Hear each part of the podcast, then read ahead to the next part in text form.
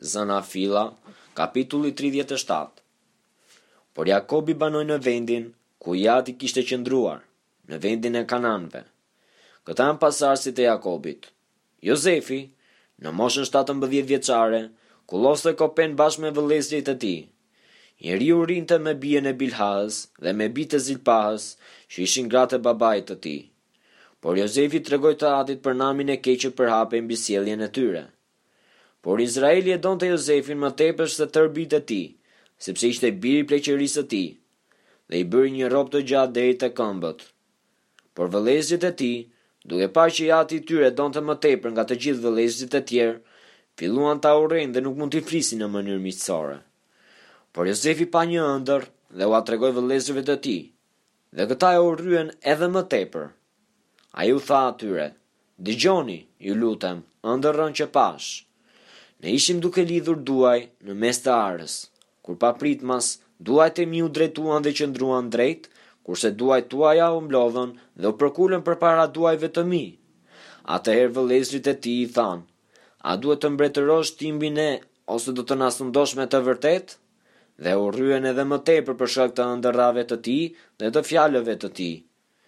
Ai pa një ëndërr tjetër dhe ua tregoi vëllezërve të tij, duke thënë, Pashë një ëndërr tjetër, dhe ja, dielli, hëna dhe njëmbëdhjetë yje përkuleshin para meje. Dhe ai ia tregoi këtë ëndërr atit të tij dhe vëllezërve të tij, i ati e qortoi dhe i tha, Ç'kuptim ka ëndrra që ke parë? A do të duhet që pikërisht unë, nëna jote dhe vëllezërit e tu të vijmë e të përkulemi deri në tokë para teje? Dhe vëllezërit e tij e kishin zili, por i ati e mbante përbrenda këtë gjë. Ndërkaq vëllezërit e Jozefit kishin vajtur për të kullotur kopenë e atit të tyre në Sikem. Dhe Izraeli i tha Jozefit, Vëllezërit e tu a nuk janë ndofta duke kullotur kopenë në Sikem? Eja, do të dërgoj tek ata.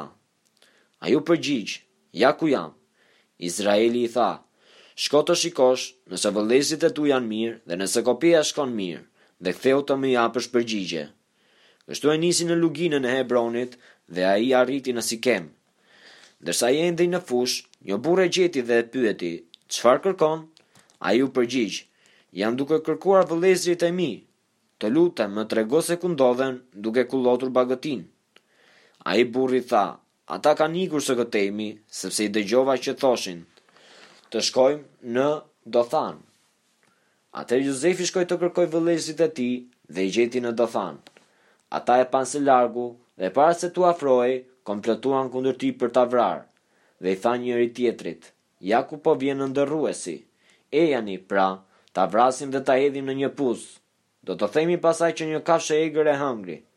Kështu do të shohim se ç'përfundim do të kenë ëndrrat e tij.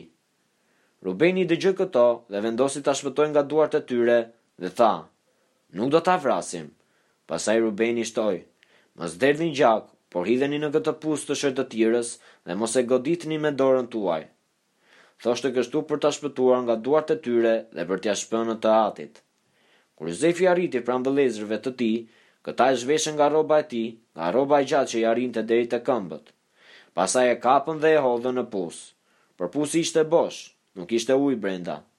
Pastaj u ulën për të ngrënë, Por, duke ngritur sytë, ata panë një karvan ismaelitësh që vinte nga Galadi, me devetë e tyre të ngarkuara me erëza, balsame dhe mirrë, dhe udhëtonte për t'i çuar në Egjipt. Atëherë Juda tha vëllezërve të tij, Ç'dobi do të kemi po të vrasim vëllanë tonë dhe të fshehim gjakun e tij?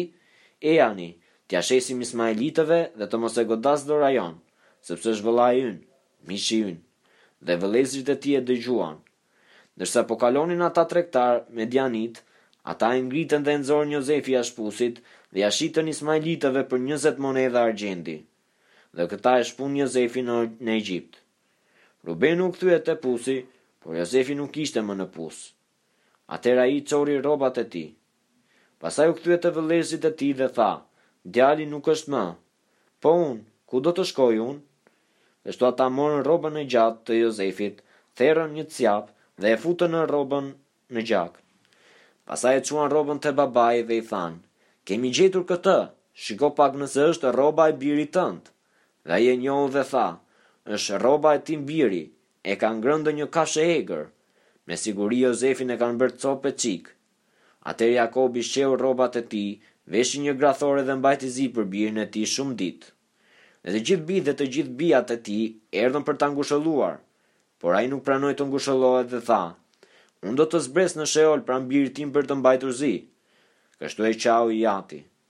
Ndërkaq madianitët e shitën Jozefin në Egjipt dhe ia shitën Potifarit, oficer i faraonit dhe kapiten i rojeve.